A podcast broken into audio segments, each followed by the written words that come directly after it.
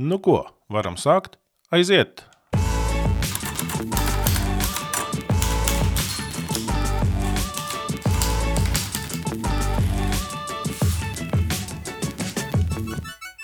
Nu, sveicu tevi misijā podkāstā. Mani sauc Pēters Eisāns, esmu šī podkāstu autors, un šeit mēs risinām trīs lielos jautājumu lokus. Pirmais ir par to, kas notiek pasaulē - tendences, procesi, kopsakarības. Mēs runājam arī par to, kas ir evaņģēlijs.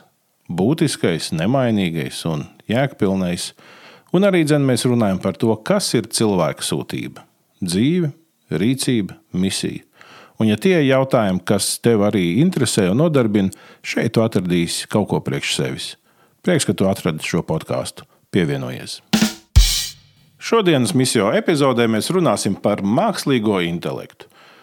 Tātad, kas tas ir un kāda ir baznīcas gatavība ar to sadzīvot, ja ar vien vairāk būs šīs spējas mākslīgajam intelektam aizvietot cilvēku, vai arī, dzen, ja tas sāks parādīt nu, kaut kādu nezinu, apziņu, protams, ir diezgan apšaubām, vai būs. Mākslīgajam intelektam, bet tomēr ir kaut kāda empātija un varbūt pat kaut kāda grēka nožēla. Viņš mācīs izjust par kaut ko, vai vajadzētu tad kristīt eh, mākslīgo intelektu robotiņu, un, un, un vai arī mums būtu jādzīvo bailēs par to, ko mākslīgais intelekts varētu nest, un vai tas ir Bībeles Jāņa atklāsmes grāmatā minētais antikrists. Ja? Par šiem un citiem jautājumiem mēs runāsim ar eh, Rolandu Eimanu, kas ir Dienvidvācijas Latviešu Lutāņu draugu mācītājs, un Markus Roškalns, kas ir Rīgas Baptistu Vīlāns draugs sludinātājs. Un līdz ar to eh, vairs nu, netērēsim lieku laiku un ķersimies klāt eh, sarunai.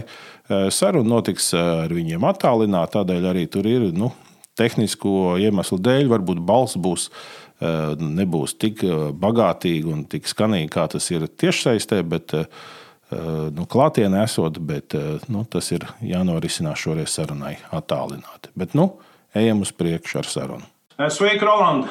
Sveiks! Sveiki, Markus! Sveiks! Es gribu ar jums aprunāties par mākslīgo intelektu aizvadītajā nedēļā. Man bija tādi, manuprāt, viena no spēcīgākajiem Latvijas vīriem attiecībā uz mākslīgo intelektu, kas ar to ikdienā darbojas. Mācot, trenējot mākslīgo intelektu. Ļoti interesanti, kā tie jēdzieni arī skan. Ehm, bet šodien es pats kā garīdznieks, būdams, gribu ar jums, kā mācītājiem, aprunāties, kā jūs redzat šo jautājumu, kas ar vien vairāk ienāk mūsu ikdienā. Un tāpēc no savas puses gribētu iesākt, nu, varbūt pastāstīt par savu to pieredzi, kāda ir tā jūsu šī brīža saskarsme ar mākslīgo intelektu bijusi, jūsu personīgajā pieredzē. Eh, un arī, ko jūs esat saskatījuši, jau kaut kādas, kur ir pozitīvie tie aspekti. Varbūt kaut kādi redzat, kur ir kaut kādas nepilnības. Un, un vēl arī man interesē, arī, ja jūs redzējāt aizvadītās nedēļas sarunu, varbūt arī vēl jums kaut kas tur ir ko komentēt pie tā, ko tie divi vīri teica, vēl arī no tāda sava skatu punkta. Nu, sāksim varbūt ar Markusu. Jā, um, personīgā pieredze saskarsmē ar mākslīgo intelektu. Um, jā, nu, es uh, ikdienā strādāju IT nozarē. Um, mēs veidojam mājaslapas, un, un līdz ar to man diezgan daudz darba, uh, darba laika aiziet datorā. Tad līdz ar to, ja tā paskatās, kādas aplikācijas, kādas uh, programmas es lietoju, tad noteikti, ka nu, jau arvien vairāk um, to programmu ir, ir, ir tāda, kuros uh, mākslīgais intelekts jau sāk spēlēt savu lomu. Uh, piemēram, mūziku klausos Spotify. Tas man skatās līdzi, ko es klausos, un mēģina izrēķināt, kas ir tā mūzika, kas man varētu patikt. Tad man piedāvā dažādas jaunas playlists. Un, tagad nesen parādīja, ko es šogad esmu palaidis garām, kas man kam, kas man varētu patikt, un, un, un kad tā paklausās, tad vispār nu, nav slikti. Nav slikti tā izvēle. Kad brauc ar mašīnu, es uzlieku veizu, veids arī jau lieto mākslīgo intelektu, lai mēģinātu saprast, kā nevis ātrāk man tikt un kur tie sastrēgumi varētu būt lielāki un, un tā tālāk. Google meklētājs, Google reklāmas, sociālie tīkli, vai ne? Nu jau arvien bēdīgi slavenāki viņi kļūst.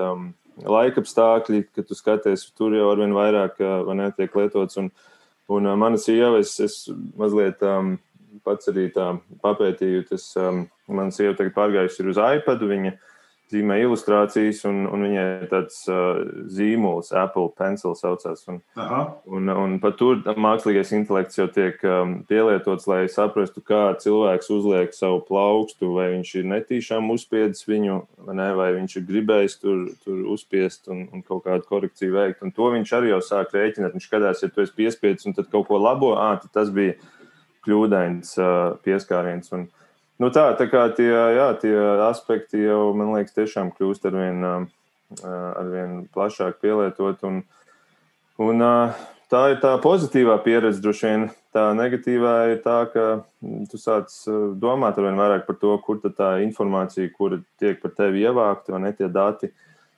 kur viņi beig beigās nonāk, kura rokās. Un, Un, ja mēs tā palasām ziņas par to, kur sociālajos tīklos un, un reklāmās tiek izmantoti mūsu iegūtie dati, ja, ka patiesībā viņi tiek pārdoti trešām personām, trešām kompānijām, un kas tie ir par cilvēkiem, kādi viņiem ir motīvi, nolūki un tā tālāk, un kam viņi pēc tam to visu paketu var pārdot tālāk, vai nē, nu, tas, tas sāk uzdot tos jautājumus par to varbūt privātumu. Un, un, un tā, nu, tas tā īsumā par manu pieredzi. Nu, Markus nosauc vairākas lietas, kuras es lietodams nemaz nenojautu, ka, ka man pretī ir mākslīgais intelekts, ka es tur pētu kādu laika apstākļu, piemēram. Ja, tā kā no, no vienas puses sakot, viņš jau ir ienācis. Man eh, nu, mazliet smieklīgi bija, ka es mēģināju caur kompjuteru pieslēgties šai konferencei. Man pēkšņi parādījās, uh, sāka ar mani sarakstīties, nu, tā kā ziņas sūtīt. Un es to pirmo ziņu palaidu garām, un pēc tam uzlaidu, sveiks, un kā tev iet, kā var palīdzēt kaut ko angliski. Un pēc tam izlasu pirmo ziņu, izrādās, tas ir bolts vārds viņam. Un beigās piebilst, virtuālais asistents. Jā, tā kā nu, man piedāvāja sarakstīties, bet tā ļoti cilvēciski arī ar priekšā stādīšanos. Jā. Un, un, un, un es būtu nebiju izlasījis to pirmo, es būtu kaut ko uzrakstījis, domājis, nu, re, kā es tērēju cilvēkam laiku. Ja, un, un tā, tā kā es teiktu, viena lieta ir, ja jau nu, nav baigā tāda sliktā pieredze, tas nozīmē, ka ir laba, jo, kā jau Markus pieminēja, droši vien arī visu nemaz nenosauc. Ja, viņš jau ir ienācis mūsu dzīvē. Ja? Sirija vai Google asistenta, Alexa, kas tur. Ja? jaunie lieto ar vien vairāk. Ja? Ir, ir, ir daudz ērtāk pateikt, atver lapu, nekā spiest tur čik, čik, čik, čik ja? tos, tos mazos burtiņus. Ja? Tā kā, kā palīgs jau viņš ir, un ja viņš nevienam, teikt, pāri vēl nav izdarījis no visa globālās uh, lietotāju uh, saimes, tad nu, tas pirmais secinājums ir nu, normāli, pat labi. Ja?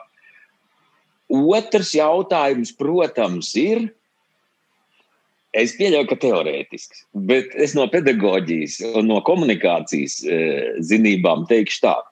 Pagaidām viss iznāk kolosāli, tāpēc ka mēs to, to mākslīgo intelektu uzskatām tā, kā arī man viņš stādījās priekšā, palīgs, asistents.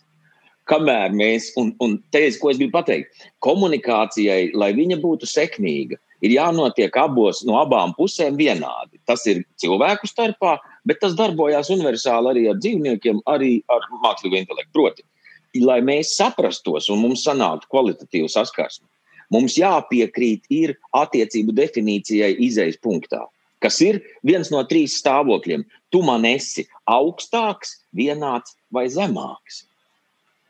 Un tas ir mans pirmais jautājums, kas man tā interesē. Un, un, uh, es tur ne, negribu nekādas milzu bedres vai biedējošas redzēt, jo Eh, tāpat kā vīrusa sakarā, tā mākslīgā intelekta sakarā, ir jābaidās no cilvēka izsaukuma zīme, rindkopa beigta. Nav nekā cita, kā cilvēks, no kā jābaidās. Ne mākslīgais intelekts, tieši tāpat kā atombumba vai ierocis, kamēr nav cilvēks, viņš pats nevienam virsū nelien. Mākslīgais intelekts tieši tāpat, ja kāds no viņa baidās, tas nozīmē, tu saproti, kāds ir cilvēks un pamatoti baidies no viņa. Ja nebaidās, nu, tad tu esi mazliet naivs, domādams, ka mākslīgais intelekts varētu būt neatkarīgs no nekā. Diemžēl tā nav. Kas viņam dos informāciju, kas viņu programmēs, kas viņu veidos un studēs. Tas arī, kā saka, pasūtīs mūziku, lietojot tādu izteicienu. Ja? Tā kā es šeit gribētu, vismaz cik es saprotu, nu, no, no tā jautājuma viņš paiet nost. Ja? Bet atpakaļ pie tā, ko es teicu. Kas notiks tajā brīdī, kad tas mākslīgais intelekts iegūs jau pietiekamu pašapziņu, un mēs ar viņu turpināsim sarunāties kā ar palīgu. A viņš ar mums turpināsies sarunāties nevis ļauni, bet intelektuāli vienkārši no pārākuma pozīcijas, kā kungs, kas nevis mums palīdz, bet kas mūs vada. Saprotiet, arī atkal, ja šis pienāktu, es neteiktu, ka tā ir trauma un traģēdija, tāpēc ka iedzimtā grēka un grēka jēdzienu nodot īsti mēs nevaram. Tāpēc, ka viņš nav, nu, viņu nevar nodezinficēt, no, piedošana, identificēt kā atsevišķu kaut ko. Ja? Tā kā mākslas intelekts pats par sevi, ja viņš būtu grēka neskarts intelekts, ja? bez, bez traumām, proti, vajadzības piedomāt realitātei kaut ko, kas mūsu intelektu visu iespaido, bez stulbām atmiņām, bez ilūzijām, bez egoisma. Es teiktu, tas ir fantastiski. Un tad ir nākamais jautājums, protams, jaunā elgdievība. Nu, viņi ir tepat aiz stūra. Manuprāt, par mākslīgo intelektu mēs nerunājam par nākotni vai fantastiku. Mēs runājam to, kas jau ir un kas tūlīt, tūlīt būs. Jā. Tūlīt, tūlīt jau būs. Un tas ir mans jautājums visiem sarunas klausītājiem, dalībniekiem. Piemēram, kā jums liekas, piemēram, par greizsirdību. Jo pirms runāsim par garīgo, parunāsim mazliet par tādu dvēselisku lietu. Kas notiks, ja, ja tu atnāc mājās un tavs dzīvesbiedrs, tavs sieva vai tavs vīrs kārtīgi nodarbojās ar seksu ar mākslīgo cilvēku? Ir greizsirdības iemesls vai nav? Jā. Kas notiks tajā brīdī, kad mākslīgais intelekts pateiks labākus prediķi par mani un tevi? vai mēs viņu ordinēsim par garīdznieku? Lūk, kur ir manuprāt, interesanti jautājumi, bet viņi, nu, viņi paliks ārpusē. Tāpēc, e, manuprāt, Kristus atklāsme par to, lai spētu palīdzēt grēciniekiem, viņš tā pats tapa līdzīgs grēciniekam, lai palīdzētu tiem, kas kārdināšanā, precīzāk citāts, ja, viņš pats tapa kārdināts.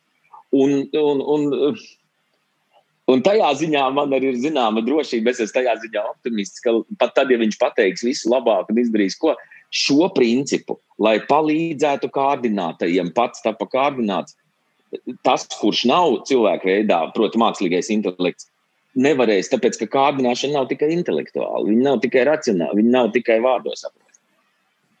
Es laikam gari, bet uh, tādas pārdomas ja, par to. Pirmkārt, par to komunikāciju. Kas notiks, kad es runāšu? Evo, palīgs, turpretī man neko nesakot ah, nu, skudriņa, es tagad tevi aizsūtīšu un ielikšu tur caur vāzi un vēl kaut ko. Jā, bet te bija ļoti interesanti iepriekšējā sarunā, ka mēs runājam, un to es nezināju, teiksim, ka e, stāst par to, kā vienā konferencē piedalās un, un, un, un no Somijas e, cilvēki, kas ir ieviesuši robotus e, sociālās aprūpas centros, stāst, nu, tagad, kā vecie ļaudis uz to reaģē no sākuma bija bažas, bet izrādās vecie ļaudži ļoti priecīgi, ka atnāk robotiņš, aprūpētājs.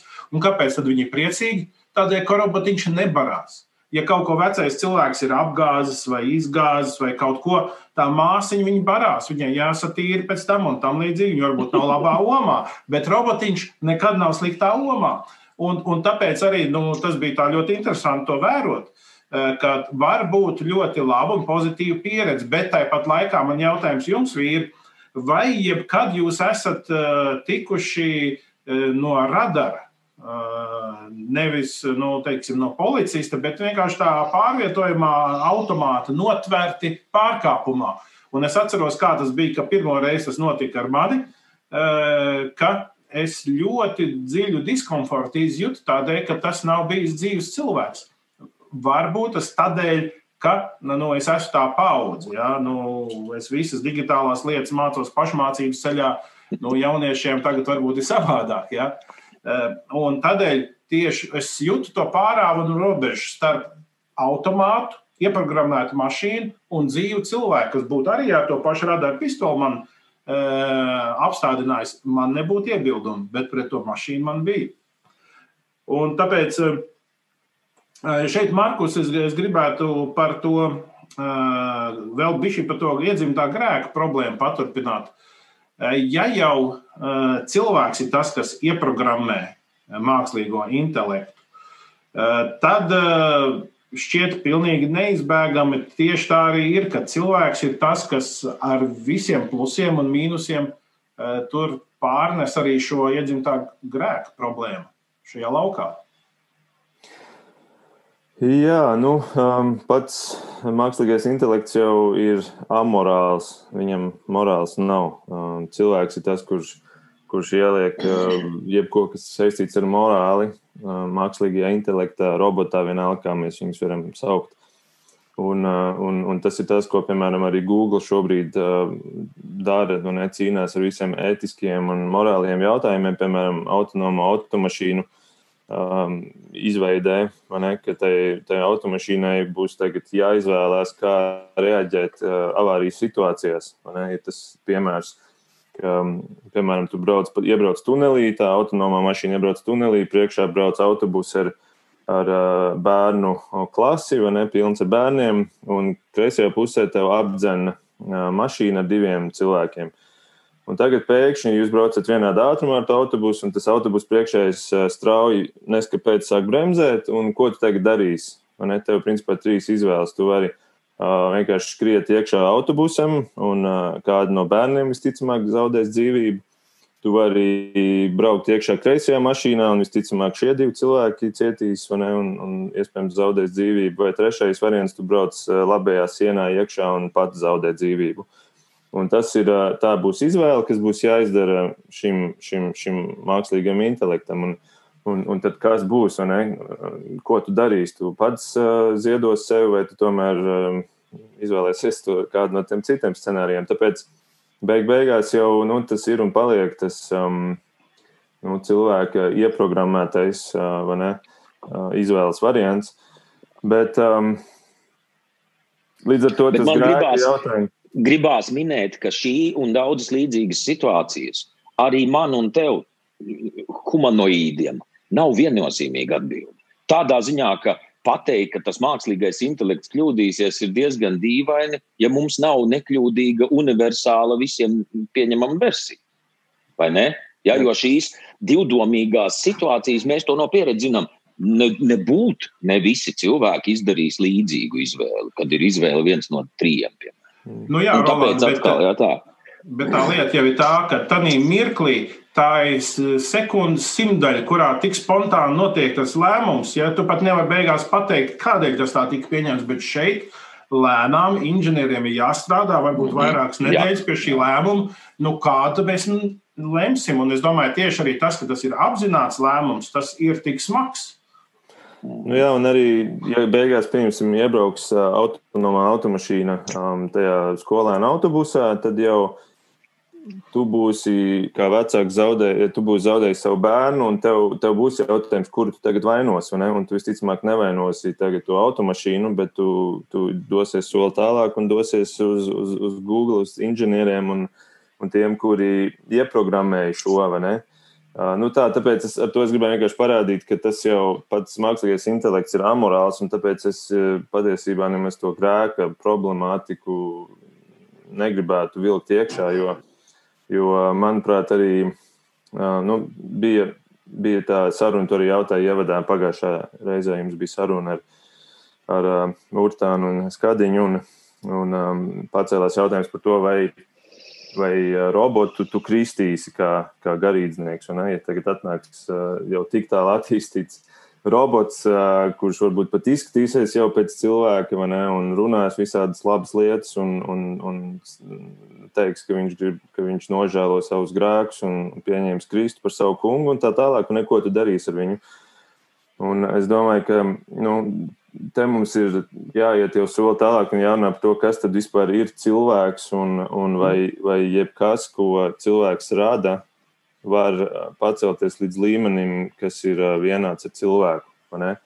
Un, um, protams, spēju ziņā mēs varētu teikt, nu, ka tas, tas, ir, tas ir tas, ko varbūt arī um, Rolands jau ievadā mazliet pie, aizskāra, un arī, arī vispār lielais jautājums, kas arī pagājušajā reizē tika risināts, ka uh, tas, ko īstenībā sauc par artificial uh, general intelligence, tas ir uh, mākslīgais, vispārīgais intelekts, kas ir jau vēl daudz, nu, daudz lielāks, un, un tas galīgais solis, kas aizved līdz tai tehnoloģiskajai singularitātei, respektīvi, ka mēs sakām, ka, ka tehnoloģija pārņem svaru un kļūs jau varenāk par mums. Um, jautājums ir, vai, vai kaut kas tāds vispār ir iespējams, un, un, un patiesībā ļoti liela daļa ekspertu uh, saka, ka, ka tas nenotiks tik drīz, un, un, un ja tas vispār notiks, nu, tas, tas vispār ir maz varbūtība, ka tas vispār jebkad varētu notikt. Tāpēc, ka tā galvenā doma, kā darbojas mākslīgais intelekts, ir, ka tu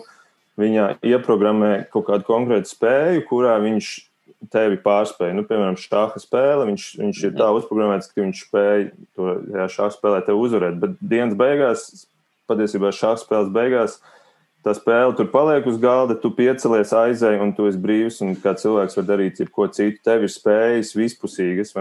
Šim mākslīgam intelektam viņas tiek kačātas vienā vai nu, šaurā vai ne, sfērā, tāpēc to sauc arī par nu, šauro mākslīgo intelektu.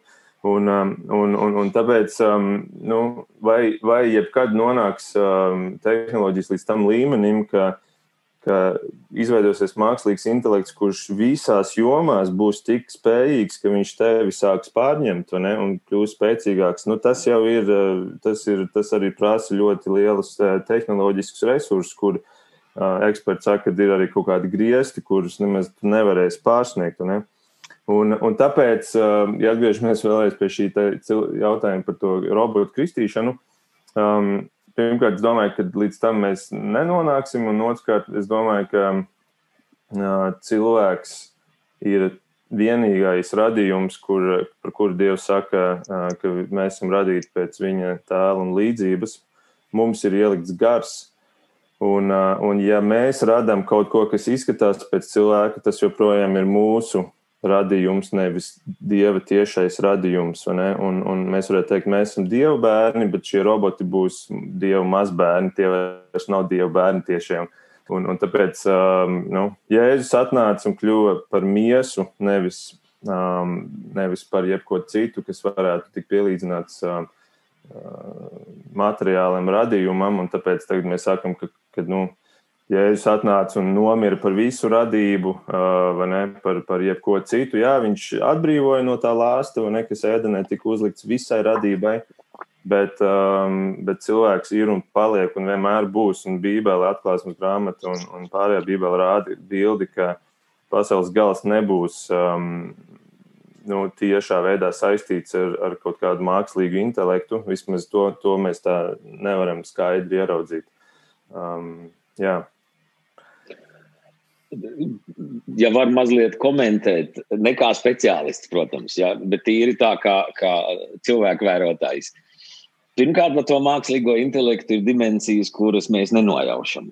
Tieši tāpēc, ka mēs nespējam, tāpat kā cilvēka prāts nesaprot dieva prātu, tā cilvēka prāts tā īsti nespēja saprast arī neegoistisku, negrēcīgu domāšanu. Ko es ar to gribēju sacīt? Mēs savu prātu, es un tu, nu, piemēram, mēs šeit trietā, lai mēs no viņa uztaisītu vienu trīskārt lielāku gudrību par manu un tavu singu no atsevišķi. Ja? Kas mums traucē, ir tieši šis egoistiskais grēcīgums. Jo vairāk mēs tam tiekam pāri un pārvēršamies zināmā mērā par tādu kā skudru pūzni, jo vairāk šis saslēgums notiek. Kas traucē tam šaurajam mākslīgajam intelektam? Jau šobrīd ar internetu palīdzību tas jau notiek. Mēs kaut ko jau esam pieķēruši cilvēku, Bet, ja mēs kaut ko pieķeram, nu, dzīvē man ir mācīts domāt, ka tā tad divas lietas palika, paspruka nepamanītas. Ja? Mēs jau esam pieķēruši, ka proti mākslīgie intelekti viens, kas māk eh, šahu spēlēt, jau sāk kaut kādas ziņas viens otram sūtīt ar to, kas vada, piemēram, vāzi. Nu, es šeit kā, kā pilnīgs mhm. uh, no malas. Ko tas nozīmē? Kas notiek tajā brīdī, kad viņi sāk saslēgties, proti, sasummēs to savu gudrību. To jau tagad datorprogrammas spēja, ja? pat ne bez mākslīgā intelekta palīdzības. Kas notiks, kad, piemēram, Sirija pēkšņi sazināsies ar Aleksu, es šeit smējos, ja? un viņas abas kopā sazināsies ar Pentagona mākslīgo intelektu. Un sāks apmācīt, un pēkšņi sapratīs, ka trijotā viņi ir gudrāki nekā viena. Nu, nu tā, piemēram. Mm -hmm. Proti, tas būs eh, par šo dimensiju. Mums joprojām ir ļoti maz saprašanas, eh, proti par to, ko tas mākslīgais intelekts dara tajā situācijā, kad viņam nav, ka viņš nepilda mūsu uzdevumus. Mums ir doma, ka viņš nu, guļ līdzīgi kā cilvēks, bet uh, izskatās, ka tā gluži nav. Ja? Tur kaut, kāda, kaut kas funkcionē, kaut kādas no, norises. Otra tēma par kristīšanu. Es šajā gadījumā gribu tikai ieskicēt vienu epizodi. Mašīnu iesvētīšana. Ja, Tiklīdz kā tu saproti, ko es tikko pateicu, ka tāda lieta pastāv, ka pravoslāvi to piekopja par zināmu samaksu un ka mums arī normālā dzīvē, ejošam mācītājam, normālā dzīvē ejošam, jo tuvāk Krievijai, jo biežāk tev kāds pajautās mācītājai, vai tu iesvētīsi manu mašīnu. Punkts. Un te tas, tas viss sākās. Nebūs, es nedomāju, ka kādreiz mākslīgam intelektam jau kā būs motivācija izlikties par grēcinieku un meklēt kristību. Bet, ja tev būs bērniņš, mākslīgā intelekta robotiņš, un tu viņu tā mīli, tāpat kā daži suņus mīl, kas grib uh, baznīcā nokristīt. Ja? Un viņš tev atnesīs. Un te ir tālāk. Es pilnīgi piekrītu Markusam. Es arī pirmā brīdī gribētu teikt, nē, bet tad paies laiks, ka izrādīs pravoslāvi to dara. Ja? Jo viņiem palūdz samaksā, viņi saprot, ka svētība var mantai, ja var mašīnu svētīt, tad mākslīgo intelektu kudiši vairāk vēl. Ja? Un tad ir tikai uh, jēdzienu jautājums, vai tā bija svētība, kristība, laulība vai draudzība. Ja? par to mēs varam matus tur e, ņemties, bet es domāju, ka nav tālu tas brīdis, ka mums um, nepietiks ar atbildi nē. Vienkārši nepietiks. Ja? Jo, kāpēc? Tāpēc, ka tu redzēsi, tad pamazām no tavas draudzes arī plūdīs prom uz turieni, kur kaut ko izdomājuši, kaut kā jāpateikt. Ja? Es, tā, es negribētu, ka tā būtu, bet es zinu, ka tā būs. Es esmu noteikti pārliecināts. Ja? Nu, skaidrs. Jā. Nē, nu tas, ka tā būs un ka tas, ka to, to kāds gribēs un tā tālāk, par to jau, es domāju, nav, nav runas. Nu, cilvēki visu kaut ko izdomā un, un arī, arī šodien baznīcā cilvēki uh, ļaujās pasaules ne, plūsmām un, un baznīcu var šobrīd. Mācītāji un, un vispārējais to visu jau var. Jautājums ir vienkārši, vai tajā brīdī tu to tu Dievu to pagodini, vai tu mazliet smējies par, par nu jā, viņu? Bet te ir arī ir no vienas puses nesanāk tas jautājums pilnīgi tikai melns un tikai balts. Tādā ziņā, ka, ja mēs skatāmies, nu, mums ir šī pavēle, tev būs Dievu savu kungu mīlēt no visas savas sirds, dvēseles un prāta. Tāda nav tikai intelekts. Bet kas notiek tagad, pieņemsim, ja kādam cilvēkam, piemēram, viņam ir zaudēta kāda locekļa, vai trauma, vai tur bija operācija, vai kaut kas, ir protēze. Jā, un es pazīstu cilvēku, kuram jauns sieviete vai ne, viņai reiz bija mehāniska protēze, lai viņa var iet. Tad pēc tam es braucu kopā ar viņu vienā misijas braucienā. Izrādās, viņai ir elektroniska protēze. Kur arī ir iekšā mazais mākslīgais intelekts, pavisam nelielām darbībām sajust pareizi to kustību, svārstību un bišķīt piepalīdzēt tai kājai dabīgāk paiet uz priekšu. Ja? Eh, līdz ar to eh, man neradās nekāds jautājums, ka šeit kaut kas eh, būtu pret dievu gribu, dievu nodomu. Dievs mums devis prātu, mēs varam cilvēkam palīdzēt ļoti labi dzīvot.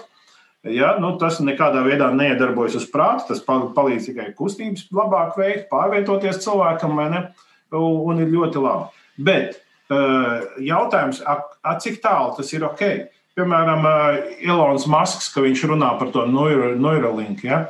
Eh, par to, kā varēs eh, teiksim, smadzeņu kapacitāti pavairot. Ja? Un kas notiek, ja šo kapacitāti pavairo par 10%? Nu, mēs teiksim, nu, jā, nu arī kāda problēma. Tas līdzīgi kā to uh, inteliģento protēzi. Bišķi tikai bišķi uh, jaudīgāks, bišķi radošāks, bišķi uh, ātrāk risina jautājums. Uh, Bet kas, ja šī tehniskā spēja to palielināt līdz 50 uz 50? Kas notiek, ja mums šī spēja ir 90% mākslīgi palielināt arī cilvēku intelektu? Ja? Tādēļ man liekas, šeit jau ir tas, tā grūtība, ja mēs varētu pateikt, to tikai pilnīgs nē, vai tikai pilnīgs jā. Manuprāt, tieši tādēļ, ka tur šķiet, ka līdzsvars jāatrod, tad es tādēļ saredzu, ka diezgan nu, nevienkārši tas ir. Nu, tas jautājums ir vienkārši, kā tu definē vārdu robots. Um, man, ja mēs runājam par robotu kā simtprocentīgu cilvēku radītu mehānismu ar, ar mākslīgo intelektu, tad viss tas, ko es iepriekš teicu par kristīšanu, tad tas ir spēkā.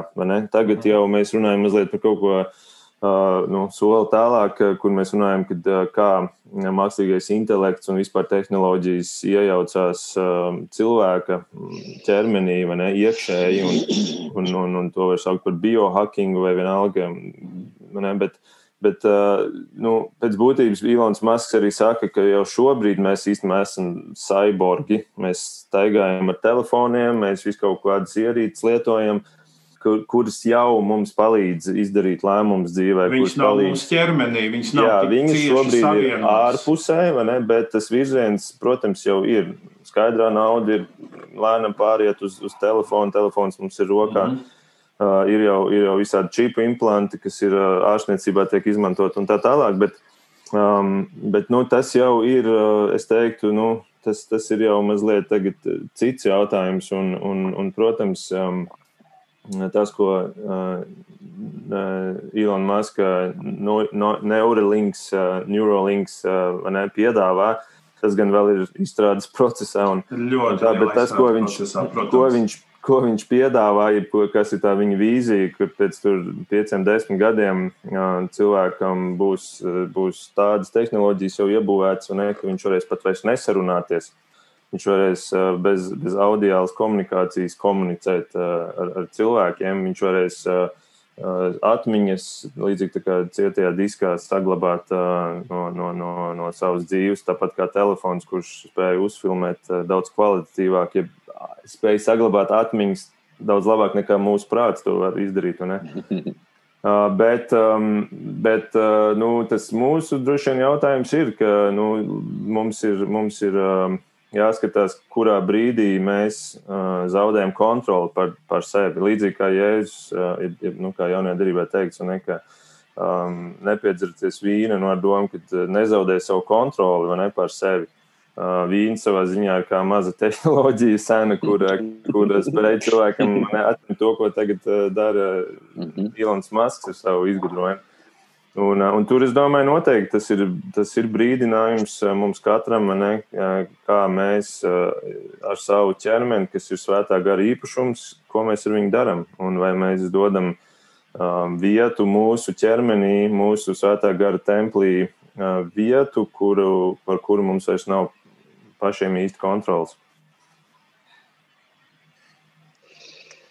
Būtu jau labi, ja tas būtu tikai baznīcas ietvarā, tad šis arguments darbojās. Tik līdz kā mēs saprotam, ka ir, e, nu, mums apkārt ir vairāk kā puse, nu, nu es nezinu, bet ir milzīgs daudzums cilvēku, kuriem šis teikums mm, ir ķīniešu valodā. Viņš neko nesaprata, kas tas ir svētā gara templis, par ko tu runā vispār. Ja, un, tā.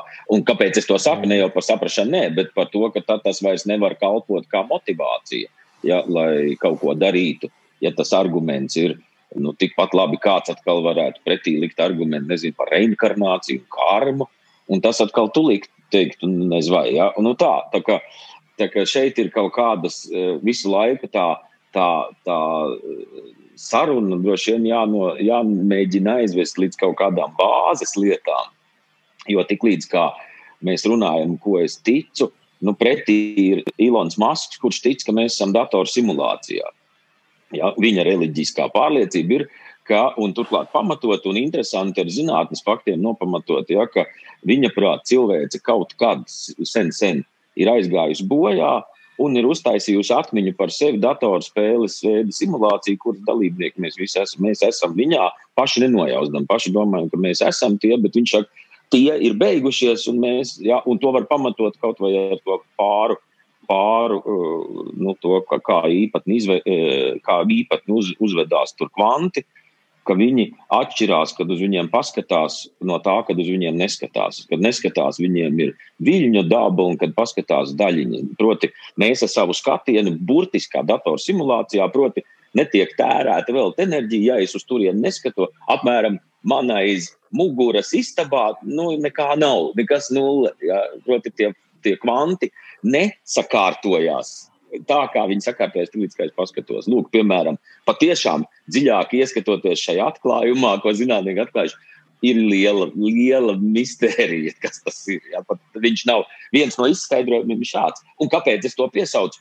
Tāpēc, ka tie, kas tic tā, kā Ilons Masks to ir pateicis, piemēram, Viņa gadījumā ir viena reliģiska vai garīga princips. Tas, ko var, var. Saprotat, ideja. Pirmais var ir spēja, otrais var ir drīkst. Ja? Jo tajā, ja, ja mēs esam datoru simulācijā, tad skaidrs, ka jaunākais, ko mēs izdarīsim, ir pārlādēsim viņu no jauna. Ja? Nu, tā, lūk, tā kā, tā kā, um, man šķiet, ka vispār jautājums ir ļoti, ļoti interesants par garīgumu saikni ar mākslīgo intelektu. Ko tad, ja mākslīgais intelekts autoritatīvi pasludina, ka reliģija ir slimība, piemēram? Ja? Un garīgums nekāds nav. Mēs esam tikai mm, kvantu un atomu salikums ar intelektuāli diezgan zemu salīdzinot ar viņa kapacitāti. Kas tad notiek? Ja? Proti, vai mēs, ja viņš sāks izteikties kā autoritāte, vai mēs viņu ņemsim vērā vai nē, un, un tad atkal, ja nē, nu, tad viss tā saruna noved pie, pie nulles. jo, ja būs kaut kādi Nu, viņi ir noved pie nulles, ja viņi arī apiet pārpuli, jo mēs kaut kur sākumā jau izskanēja tas, ka tomēr visa pamatā arī šeit mēs redzam, ir cilvēks. Ja cilvēks ir tas, kas uh, programmē un trenē šo intelektu, tad arī no cilvēka šajā intelektā pārmantojās uh, arī dzen, nu, grēks, varētu teikt. Ja, tas mūsu egoisms. Un, un, un, un līdz ar to tas var būt ar savām nu, neizbēgamām sekām. Šobrīd, kamēr eh, tehniski viņš nav tik attīstīts, un viņam šī spēja pašam sevi organizēt eh, un, un, un, un virzīt uz priekšu nav tik eh, pietiekami jaudīgi. Ja? Un, protams, kā Markus teica, tur vēl ir tas jautājums, kur ir, vai nav tur kaut kāda robeža. Bet tā problēma jau kur ir? Tās tehnoloģijas, ko mēs paskatāmies pēdējie simts gadi, viņas var izmantot svētībai un lāstam, labai un ļaunai lietai. Uh, vai nu tas bija, ka iemācījās cilvēks lidot, pavisam drīz sāka mest eh, bumbas citiem uz galvas. Eh, kas notika ar atomenerģiju? Ja mums tagad būtu drošs atomstacijas pasaulē, mums nebūtu nekādas CO izmešu jautājumu. Ja? Visiem būtu elektrība pa brīvu, bez mazliet mājās, mm -hmm. bet mēs taisām atombumbas. Un arī ar šo tehnoloģiju ir ļoti daudz labas lietas, un es dzirdu par medicīnu, par to, kā spēj teiksim, tos rengenattēlus lasīt mākslīgais intelekts labāk nekā ārsts un precīzāk identificēt, kur ir vēža šūnas vai kur nav. Tā ir ļoti laba lieta. Bet tāpat laikā tā tendence ir, ka to izmantot atkal citām lietām. Tādēļ te jau ir tas, ka beig, beigās tomēr tas eh, mūsu iedzimtais grēks eh, tieši vai netieši pārmantojās uz eh, to, ko mēs radām. Es teiktu, vēl vairāk. Man, tas, ko jau jūs pastāstījāt iepriekš, arī par to Markus ir piemērs par to, kā izvēlēties, kuram no trījiem avārijas gadījumā mirt. Ja? Man, ir, man ir arī tāds jautājums, ko, jo mēs jau tagad, kā redzam, varam tā kā es to pieminēju, pat Zoom ieslēdzot, pakomunicēt ar mākslīgu virtuālo asistentu. Visi Aleksa un, un Siri arī. Ja?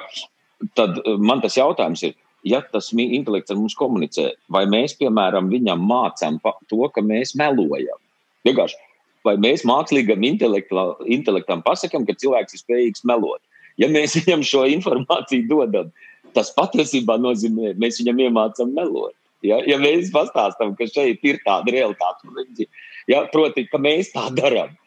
Un mēs jau saprotam, ka mākslīgais vārds intelekts nozīmē, mēs jau no viņiem esam nokopējuši. Ne jau no akmens vai no koka, kam arī ir savs intelekts, mēs viņu līdz šim neesam īsti izpratuši. Ja? Mēs jau savu kopējam. Un tad man ir baigais jautājums par šo, vai, vai mēs viņam mācām. Ja viņš mums palīdz, vai mēs viņam mācām savas dabas ēdas puses, attiecīgi Tiklīdz mēs to mācām, tieši tāpat kā valodu, tā viņš viņu sāk lietot. Ja? Iemācām, ka var zakt, viņš sāk zakt. Ja? Un ir, tas ir pilnīgi loģiski. Tā darbojās intelekts, turklāt bez morāles aizturēt un aizspiedumiem. Ja? Un, bet, bet vienu teikumu es gribu paldies pateikt Markusam par to mierinošo frāzi, ko es arī gribētu uh, būt optimists un, un, un mierināt uh, sevi un tevi.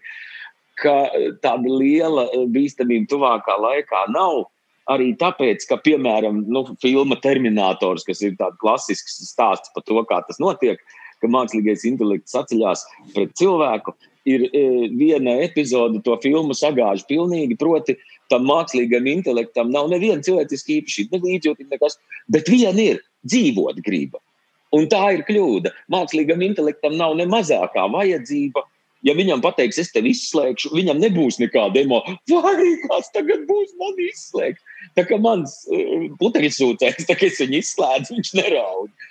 Kaut gan atkal, protams, var jautāt, vai es zinu, ko viņš jūt. Man kāds varētu jautāt, pretī.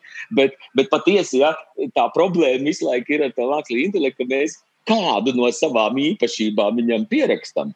Un tad sākam baidīties. Bet, ja raksta vienu, tad raksta arī spēju mīlēt, spēju līdzjust. Ja? Var izrādīties, ka tas ir viens dievam tuvs intelekts ar savu līdzi, kristumu līdzīgs mākslīgais intelekts kas ir nu, perfekts līdzjūtībā, taisnīgumā. Arī tāda ir tikpat laba iespēja. Ja? Kāpēc tikai, tikai dažas vai viena cilvēciska īpašība viņam iedod? Jā, nu, um, man liekas, ka tas, kas ir uh, šobrīd tas galvenais um, klupšanas akmens, nu, bez tām tehnoloģijām, par kurām mēs jau pieminējām, bez tiem griestiem un, ir tas, ka vienkārši, um, lai mākslīgais intelekts kļūtu par to, no kā mēs baidamies, ir, viņam, ir, viņam ir jāiegūst um, apziņa, viņam pašam sevi jāapzinās, ja? angliski to sauc par consciousness. Un, un tā problēma ir tā, ka mēs kā cilvēki pat nezinām īsti, kas ir apziņa. Mēs nemākam to nodefinēt, mēs nezinām, kas tas ir. Līdz ar to, kamēr mēs to nezinām, mēs arī nespējam radīt kaut ko, kam kam mēs iedodam šo apziņas spēju. Un tas varbūt no vienas puses ir uh, lāsts, no otras puses tā ir svētība. Uh, mēs nezinām, kas ir. Mēs, mums nav, mēs neesam izpratuši to eksplozīvo, izšķirošo sastāvdaļu. Līdz ar to mēs viņu nema, nevaram iedot uh, tālāk um, šim, šim, šim robotiem, mākslīgiem intelektam. Un, un, uh, un šī sastāvdaļa pieder dievam. Viņš zina, kā viņu izveidot. Viņam, viņš zina, viņš to ir ielicis mūsos, cilvēkos tikai un vienīgi, tāpēc dzīvnieki nu, īsti arī neapzinās sevi. Viņi, viņi, viņi dzīvo ar, ar intuīciju, bet viņiem nav šīs pašapziņas, kāda, kāda tā ir mums. Bet Bībele rāda, ka es vienkārši atvēru vaļā atklāsmes grāmatā. Ir tas, tas, tas viens pāns 13. nodaļā, uh, kur ir teikts, ka, ka būs šis zvērs, ja, tad uh, nāks antikrists, viņam būs zvērs, un, un tur ir teikts tā, šim zvēram bija dots spējas iedot dzīvības garu zvēra tēlam, lai zvēra tēls varētu runāt un panākt to, ka visi, kas nepielūgtu zvēra tēlu, tiktu nokauti. Un, uh, un, un, un te, mēs, te mēs redzam, ka kaut kādam tēlam, kas, ir, kas nav pats zvērs, bet tas ir tēls, kaut kāda materiāla būtne, kaut kas uh, ne, fizisks, kaut kāds objekts, viņam tiek iedot, iedots dzīvības gars. Un, un, viņam, un, un varbūt tajā brīdī nu, būs tā, ka tas, tie, kuri runā par, par mākslīgo intelektu, kā piemēram Džons Lenoks, kurš arī bija Latvijā ne, uz debati foršu ar Mārciņu Auziņu, ar, ar, ar um, ateistu. Uh, Viņam, viņš ir uzrakstījis grāmatu par šo mākslīgo intelektu, un viņš arī šo pantu min kā, kā to, kurā varētu vēl nu, šķielēt, kur un runāt par, par kaut kādiem robotiem. Ne, ka te izskatās, ka kaut kas nedzīvs pēkšņi tiek padarīts dzīves. Un, un, līdz ar to varbūt tajā, tajā laikā, tajā, tajās dienās um, nu, kaut kas tāds varētu kļūt uh, dzīves, un, un varbūt Dievs iedos šim, šim antikristam vai šim, šim zvēram to spēju iedot šo apziņu un, un, un izveidot kaut kādu um, mākslīgu robotu ar mākslīgu intelektu. Un tad tur ir tālāk, nākamajos pantos teikts, ne, kad uh, viņš liks um, uzspiest šo 666 zīmi un tā tālāk. Un, un, un, un, Bet arī tur mēs redzam, nu, ka tā padomā par, par to visu. Un cilvēki arī šodien, vai ne, vakcīna nāk un ir šīs sazvērestības teorijas, vai, ne, vai, vai mums čips tur tiks implantēts, un vai, vai mums ir jāsāk jau baidīties jau nopietni, un varbūt Ilona Maska Neuralinks ir jau ne, visciešākais solis pretī tam.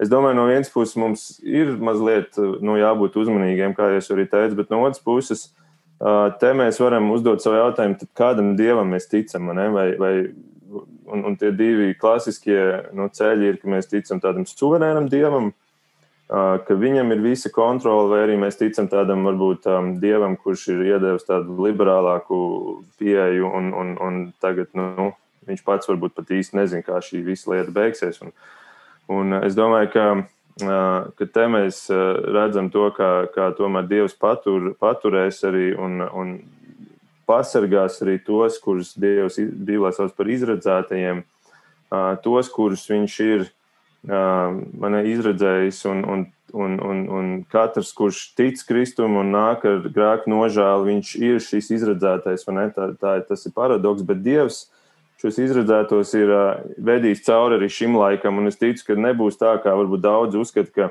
Dievs tagad tiesas dienā skatīsies mums uz rokas. Nu, ir tur tev tas čips iekšā vai nav, vai ir uz pieres, vai ne? Ā, tev ir, tad tu ej uz ēli.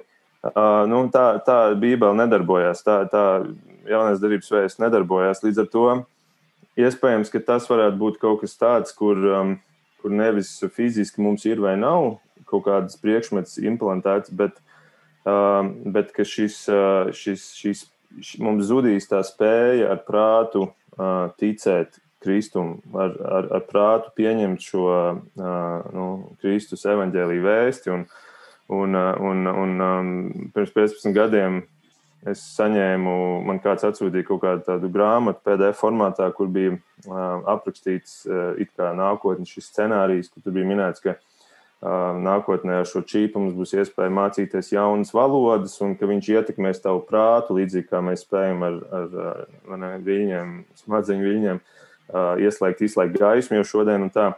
Un, un toreiz es kādiem cilvēkiem par to stāstīju, un viņi visi smējās. Viņi teica, nu, pilnīgs muļķības. Ne? Bet šogad Ilons Masks ir noprezentējis jau objektu, projektu, kurš, kurš patiesībā to dara. Un, un tāpēc visticamāk, ka tas būs kaut kas, kas tev nu, iespējams ietekmēs tavu prātu tā, ka tu vienkārši nespēsi um, izdarīt šo, šo lēmumu. Uh, un, un, un tā, bet arī tur es ticu, ka Dievs um, nu, pasargās vienkārši tos, kuri, kuri ir uh, viņa ļaudis, viņa bērnus. Un, Un tāpēc tas gala uh, mierinājums man ir, ka, ka es vienkārši redzu, ka Dievs mums ir iedevis šo uh, pasaules stāstu līdz galam, un tur mēs redzam, ka tā kontrola paliek viņa rokās. Nu, Markus tik labi kā sprediķi noslēdza. Jā, tā, tā kā, nu, es, es, man, man nav ko iebilst, bet jā, visam var pateikt, jā, bet ja mums ir dot spēja domāt un runāt, jo, jo tādā galējā konsekvencē tajā teikumā Dievs visu dara un redz, mēs tad esam tā tādi akmentiņi jūrmalā.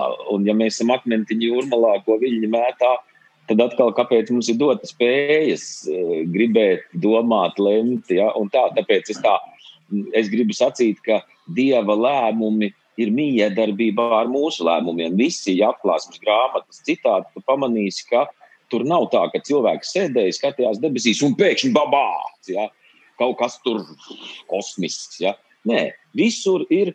Jūs darat to, sakas tādas, jūs darat šitā, rezultāts šitāds. Ja?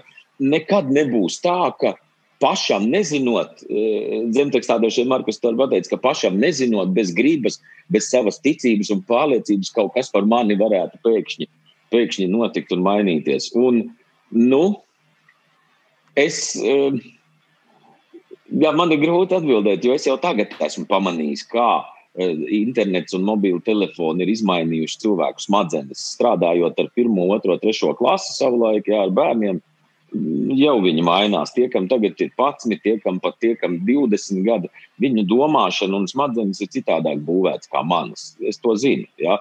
Proti, viņu smadzenēs ir vesels plaukts, kas ir atvēlēts telefonam, kur nav kur ir pilnīgs tukšums informācijas. Viņš nenēsā līdzi gandrīz neko no informācijas. Paprasiet jaunākam par 20 gadiem noskaidrot pantiņu, redzēs, cik tas būs grūti. Paprasiet, viņš kaut ko ir izlasījis, tas būs grūti. Bet vienlaikus par visām šīm tēmām un vēl daudzām citām viņš patiesi, patiesi ļoti augstā eksperta līmenī par neurolinku. Viņš iespējams pastāstīt vairāk, kā mēs te trijotā. Ja? Un, un es to redzu patīk, nepatīk, man neviens nejautā. Gribu, negribu, neviens nejautā. Ir jautājums, ir daži, kas saka, fuj, fuj, fuj. Es uzskatu, ka tā ir tāda nu, vecuma pazīme uz tiem, kas no tevis atšķirīgi grib būt veca sīgņa. Dari tā, daži jau arī trīs gados ir veci īgņas. Ja? Man liekas, ka es arī biju vecāks un īgnāks, ka man bija 30, kā tagad, kad ir 50. Ja? Jo, jo kāpēc? Tāpēc, ka Man negribās pasauli, kurā es visu zinu, saprotu, kur viss ir pareizi, nepareizi. Viņa ir baigta garlaicīga, viņa nav dzīva. Ja, tā kā pļāva, kurā ir pareizs un nepareizs līdzās, tāpēc tā ir dzīvība. Es tāds esmu, un tu un visi mēs mūsu iekšējā pasaulē, pareizais, nepareizais, gudrība ar muļķību līdzās stāv. Un ar, ar starp citu par to mākslīgu intelektu runājot, man pa, vēl tāda līdzība sanāk, ka ar ekonomiku dīvainā veidā tā ir, ka bagātie ar vien bagātāki, nabagie ar vien nabagāki. Līdz vienā brīdī vārds lūdzu. Manuprāt, ka šobrīd ar zināšanām ir tieši tāpat. Gudrie ar vien gudrāki, runā par mākslīgo intelektu, bet, bet milzīgs daudzums cilvēku ir, kam vakcīnas liekas sinonīms vārdam dēmons. Ja? Vakcīna dēmons. Ja? Viņš tā reaģē, kā vajadzētu uz dēmonu, apmēram, proti, vēlns un elle. Ja? Un tu saproti, ka tur ir pat viduslaiku māņticība, netur līdzi mūsdienu sazvērstības teoriju māņticību līmenim, kas parāda, ka kas notiks, ka būs tas kritiskais punkts, ka tā masa ies, iet ar vien dziļāk māņticībās un kaut kādā tādā pusgudrībā vai pat negudrībā, un tie savukārt ar savu mākslīgo intelektu. Vai nesanāks tāpat kā ar ekonomiski? Vienā brīdī ir ekonomiskas revolūcijas, kas notiks, ja būs intelektuāla revolūcija. Ja pēkšņi vienai paudzei apniks būt gudrai. Ja? Un viņi downgrados visu izglītību, visu gudrību un, un atminību. Tas būs uh, interesants nu, nu, moments. Es Atkal domāju, Roland, ka tu ieskicēji jau jaunu sarunu, bet tas mums jāatstāj citai reizei. Uh, bet uh, viena no lietām, kas ir, es domāju, kas tas um, mākslīgais intelekts, viņš nav kaut kas tik abstrakts, ka tam nebūtu tādas reāli taustāmas seku. Eh, viens tīri sociālo eh, tīklu burbuļi, tie ir reāli, tie pastāv, tie atstāja arī iespēju. Ekonomiskās potenciāli, ekonomiskās sekas arī dzene. Es lasīju New York Times pirms kāda laika, ka bija uh, par vēlēšanām Amerikā. Uh, tur vairāk punktu. Un viens bija ļoti interesants, ka apgabalos, kur bija tādas darba vietas, kurām draud nu, robotizāciju nu, vai automatizāciju vistuvākajā laikā, tās balsoja pārsvarā tikai par Trumpu. Apgabali, kuros nebija tik daudz apdraudēto darba vietu, tās balsoja par Baidenu. Ja, un atkal mēs redzam, šeit, kā šī tehnoloģiskā attīstība atstāja iespaidu uz cilvēku izvēlēm, un, un kaut kur veidojas šīs šķērs, un kaut kur, ka ekonomiski ir vieni neatkarīgāki un varošāki izglītībā, zināšanās un, un, un, un, un daudzos citos resursos. Tādēļ es domāju, tas jautājums ir ļoti interesants un tādēļ arī svarīgi par to mums runāt un domāt tīri no tāda arī kristīga un baznīcas skatu punkta, kā tas iespaido mūsu. Bet vēl par Markus minēju par Jāņa atklāsmes grāmatu un tīri tādu uh, Eh, savu vienu tādu komentāru pielikšu, ka tad, kad es kā tāds pusauģis puika nesen pie ticības nācis, lasīju Jāņa atklāsmes grāmatu, un arī par to, ka grāmatas tiks tiesas dienā atvērtas un viss tur taps redzams, es domāju, kādies tas būs. Šodien, mākslīgā interneta laikmetā, ka visas mūsu kustības un darbības ir izsekojamas ne tikai internetā, bet arī fiziskā vidē, vismaz Ķīnā, Jā, tur visi cilvēki ir piefiksēti, ir zināms, kur, kur iet, ko dara. Reitingiem. Uh, jā, sociālais reitings. Jā, tur jau, tu jau esi jau nosodīts kā grēcinieks vai iecelts svēto kārtā. Līdz ar to ir ļoti interesanti redzēt, kā manā dzīves laikā es vēl neesmu dzīvi nodzīvojis līdz galam, bet cik daudz kas jau ir uh, mainījies un Jāņa Aklāns grāmata bez mazliet sāk piepildīties mūsu acu priekšā. Uh, mm. Bet šai dienai Es, Markus un Rolanda, saku jums paldies. Paldies, ka piedalījāties, un paldies arī, ka kopā varējām domāt. Paldies jums! Paldies, bija interesanti. Patiešām interesanti. Tu ar šādu tēmu aicini vēl dažādus cilvēkus. Tu lietu padomāt par tēmu, par ko citādi varbūt nebūtu domājis. Paldies tev! Visu labu! Visu labu! Paldies! Visu labu. Paldies Rolandam Eimanim par sarunu, paldies arī Markusam Roškalnam par sarunu.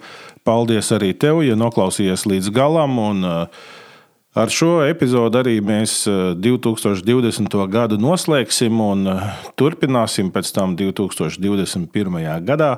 Arī podkāstā plānojam nelielas izmaiņas, kad mums bez šīm sarunām būs arī vēl tīri katrā epizodē tāda arī tieši uz tādu pasaules notikumu vērojumu un, un, un, un tādu iepazīšanu. Un, Bet tas jau mums ir jāpiedzīvo, jāsagaida jauno gadu.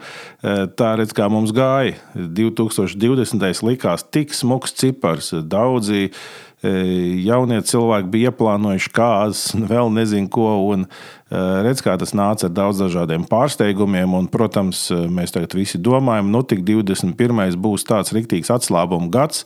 Mums te sola visādas medicīniskas brīnumus un, un, un uzlabojumus, bet katrā gadījumā skatīsimies, kāds tas būs un kāds arī viņš nebūs. Mums būs jādzīvo, un Dieva žēlastība paliek spēkā. Tāpat arī viņa misija un uzdevums katram cilvēkam paliek spēkā. Es domāju, ka arī tad, kad 21. noslēgsies, mums būs daudz lietas, ko atskatīties, kas ir bijušas labas, svētīgas, priecīgas. Un, uh, Un tīri tā, nu, tādā ģimenes skatu punktā, ka es paskatos uz tā vienu lietu, ko mēs šogad darījām, ir mēs eh, katru svētdienu satikāmies. Un katrs izteica savu prieku, savu bēdu, un tad pierakstīja vienu tādu zīmīgo nedēļas tādu atmiņu, notikumu, tādu svētību, un tad, kad būs gadumī, nu, mums tādā lielā stikla traukā viss ir eh, sakrāts. Mēs taisīsim vaļā, un es sagaidu, ka būs ļoti fēni, ka mēs varēsim runāt par to, Eh, kas gadā ir noticis. Neskatoties, nerunājot par to, kur bija tas negatīvais, jo mēs pierakstījām katru savu spilgtāko pozitīvo momentu no nedēļas, ko mēs uzskatījām, ka oh, tā ir tāda dieva svētība man. Nu, līdz ar to es sagaidu, ka gadījumā mums būs eh, nu, priecīgs vakars ģimenei kopā, ka mēs lasīsim un priecāsimies par tām daudzveidīgām dieva svētībām, ko piedzīvojām. Nu, tā arī ir. Plānojam arī, ka 21. gadā darīsim to pašu. Un um, katrā gadījumā katram no jums uh, novēlu redzēt un pamanīt tās dieva svētības, kas dzīvē mums ir. Jo tas, kas ir tas negatīvais, to jau tas, tas nedrīkst mūs nomākt. Uh, nu, arī tad tev priecīgu gadu mīju, lai Dievs svētī jauno gadu sagaidot un tad jau tiekamies pēc tam 2021. gadā. Visu labu!